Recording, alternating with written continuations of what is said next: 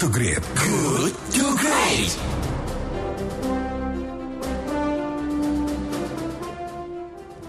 Diskusi Kelight FM masih bersama Anda pagi ini dalam Good to Great because good is the enemy of great dan saya Ijul Syafi masih bersama Anda dalam perbincangan pagi ini tentang atau topiknya menakar plus minus keputusan Amerika Serikat yang mengubah sepihak status Indonesia dari negara berkembang menjadi negara maju.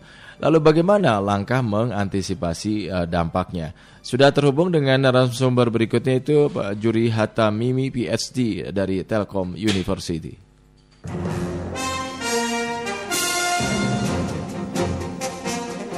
Selamat pagi Pak Juri. Pagi Mas Ijo. Apa kabar Pak Juri? Baik, alhamdulillah. Alhamdulillah alamin. Pak Juri, baru-baru ini kan pemerintah dikejutkan dengan bocoran Indonesia dari daftar negara berkembang.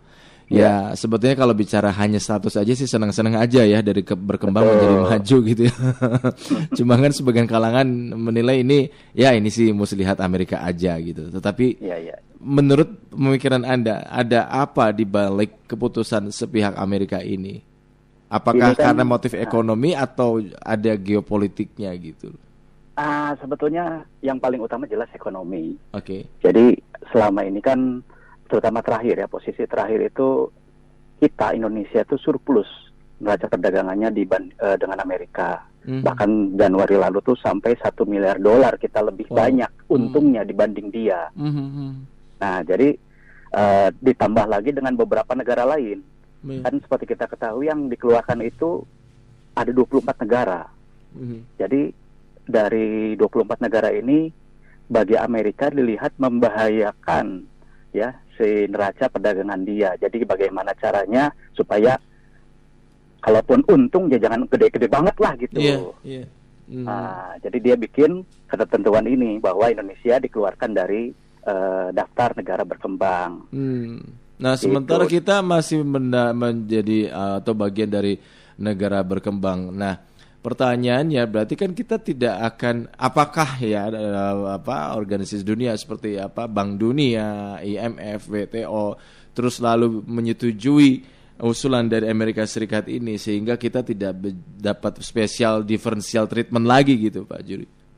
Nah, ini sebetulnya kan eh, kita kayaknya cukup heboh ya Hmm. be- seminggu belakangan Iya. karena dikeluarkan dari daftar negara berkembang. Hmm. Sebetulnya juga tidak otomatis menjadi negara baju karena tidak ada tulisannya tuh dalam ketentuan 10 Februari lalu itu bahwa Indonesia jadi negara maju, hanya tidak terkategorikan lagi negara berkembang. Hmm. Padahal yang menentukan negara berkembang seperti tadi Mas Ijo sudah bilang Hmm. ada beberapa negara, apa beberapa lembaga. Hmm. Eh, saya lihat di sini ada IMF, ada FTSE, ada Morgan, ada Standard and Poor, Dow Jones, Russell, semua menetapkan kita masih sebagai negara berkembang. Jadi indikator yang dipakai oleh kantor dagang Amerika yang mengeluarkan kita dari WTO, apa mengeluarkan kita dari negara berkembang itu, itu pun hanya eh, apa sepersekian persen Hmm. dari total indikator negara berkembang. Jadi sebetulnya menurut saya tidak terlalu harus khawatir ya. Hmm. Memang kekhawatiran itu terjadi karena saat ini Amerika adalah negara tujuan ekspor kedua terbesar buat kita Hmm. setelah China. Jadi itu yang membuat mungkin agak worry ya untuk Iya. ekspor non migas terutama. Iya, iya. Apakah implikasi dari kebijakan Amerika ini bagi kita selain ekspor itu ada lagi? Eh, buat kita sih sebetulnya implikasinya jelas hanya pada ekspornya saja ya. Hmm. terutama itu pun kita juga harus spesifik karena kan tidak semua produk ekspor kita kita kirim ke Amerika. Hmm. Jadi kalau kita mau mengukur dampaknya hanya beberapa eh, apa eh, item saja atau beberapa kategori saja. Misalnya yang mungkin paling berdampak itu tekstil dan produk tekstil ya turunannya seperti apa baju, sepatu gitu. Iya. Hmm. Nah, kalau menakar pencoretan Indonesia dari daftar negara berkembang ini, Pak Juri, eh, plus minusnya kalau kita melihat dari sisi volume atau nilai dagang ekspor, impor antara Amerika dengan Indonesia selama ini, kan tadi anda katakan Indonesia cukup besar ya, bahkan eh, bisa mencapai tadi eh, lebih besar keuntungannya daripada Amerika.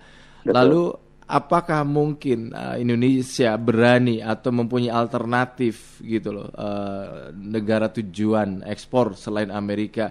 Posisi kedua atau urutan kedua selain Amerika ketika ini Indonesia ingin di, apa dicoret dari daftar negara berkembang. Kan kita harus bisa bersikap atau apa yang harus upaya upaya dilakukan? Nah kalau buat saya sih kan karena ini kan masih usulan ya. Hmm. dari uh, di WTO sendiri kan anggotanya ada lebih dari 160-an lah kurang lebih. Yeah. Jadi baru satu nih yang menyatakan bahwa dikeluarkan dari negara berkembang Indonesia itu. Jadi hmm. sebetulnya kita bisa masih bisa melakukan lobby. Hmm. Kemudian jika sebetulnya melihat dari apa yang uh, Amerika putuskan itu sebetulnya ternyata bukan paket komplit. Hmm. Jadi sudah ada rilis resmi kemarin itu di kedutaan Amerika bahwa sebetulnya yang uh, apa pengurangan bea masuk GSP itu tidak terganggu. Hmm. Yang terdampak hanya di bea masuk anti subsidi hmm. yang pagu dari tadinya setengah persen menjadi dua persen. Iya, iya. Hmm, itu malah nggak nggak terlalu berpengaruh ya. Nah, sebetulnya tidak terlalu apa uh, besar ya hmm. kalau dari sisi nilainya. Hmm.